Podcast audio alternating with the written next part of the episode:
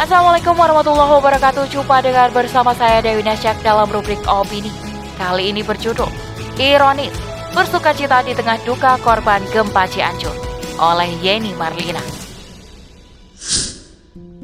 Negeri ini masih menyisakan duka yang mendalam akibat gempa berkekuatan magnitudo 5,6 skala Richter yang mengguncang Kabupaten Cianjur, Jawa Barat pada Senin 21 November 2022 lalu. Korban meninggal bertambah menjadi 328 orang. Pemkap Cianjur pun mengusulkan agar proses pencarian diperpanjang hingga tiga hari ke depan. Di samping itu, kerusakan infrastruktur tercatat sebanyak 26.237 rumah rusak berat, 14.196 rumah rusak sedang, dan 22.786 rumah rusak ringan. Kerusakan sekolah 471, 170 tempat ibadah 14 fasilitas kesehatan, dan 17 gedung perkantoran. Data titik pengungsian dihimpun BNPB dan lainnya tercatat sebanyak 449 titik. Total jumlah pengungsi 100.330 jiwa yang terdata melalui komunikasi kebencanaan Badan Nasional Penanggulangan Bencana alias BNPB.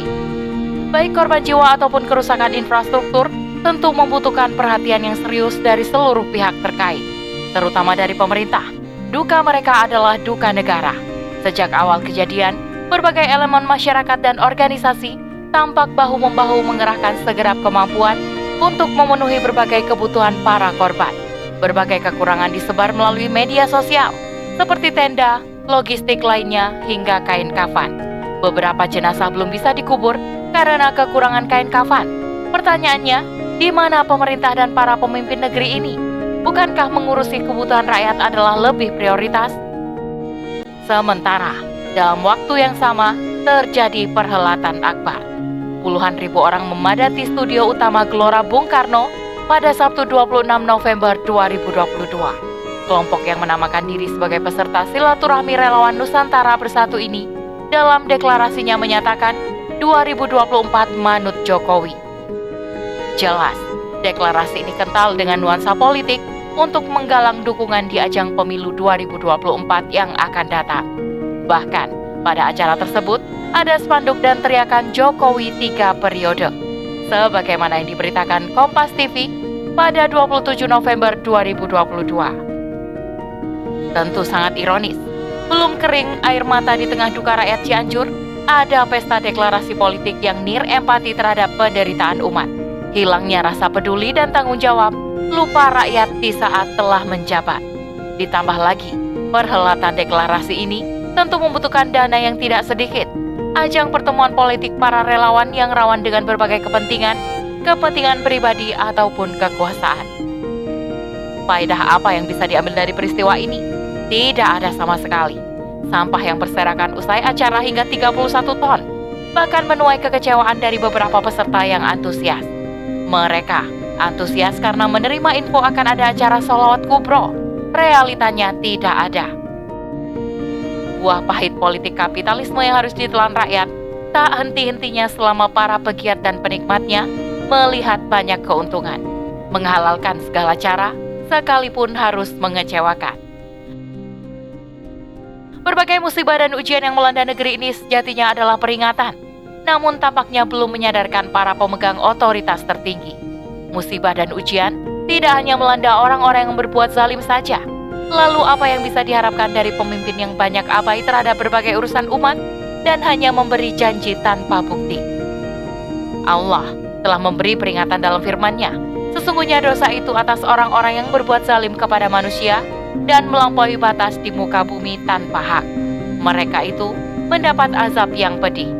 Quran Surah Ash-Shura ayat 42 Begitu pula sabda Rasulullah Shallallahu Alaihi Wasallam, barang siapa yang menipu kami, bukanlah dia dari golongan kami.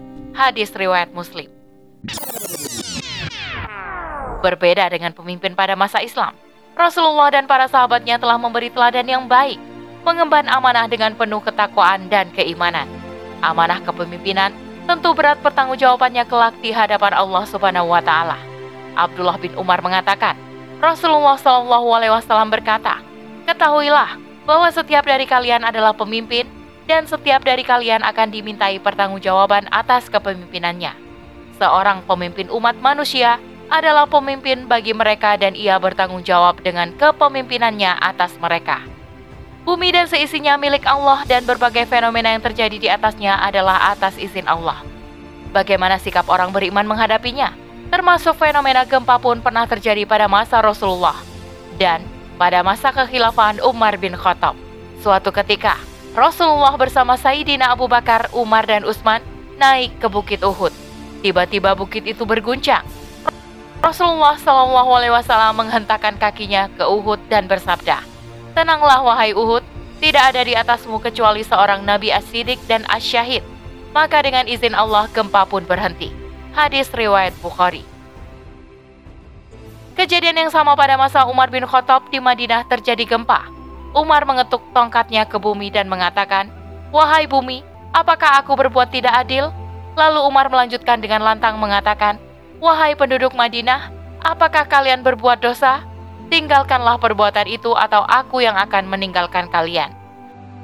Demikianlah sosok pemimpin beriman dan taat pada Allah, bersegera muhasabah dan introspeksi diri, dan menanyai rakyatnya jika ada yang lalai serta maksiat.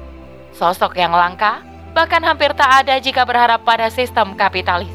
Alih-alih mengingat Allah, rakyat kesusahan saja malah memilih membiarkan ajang bersuka cita yang syarat dengan berbagai kemaksiatan lainnya.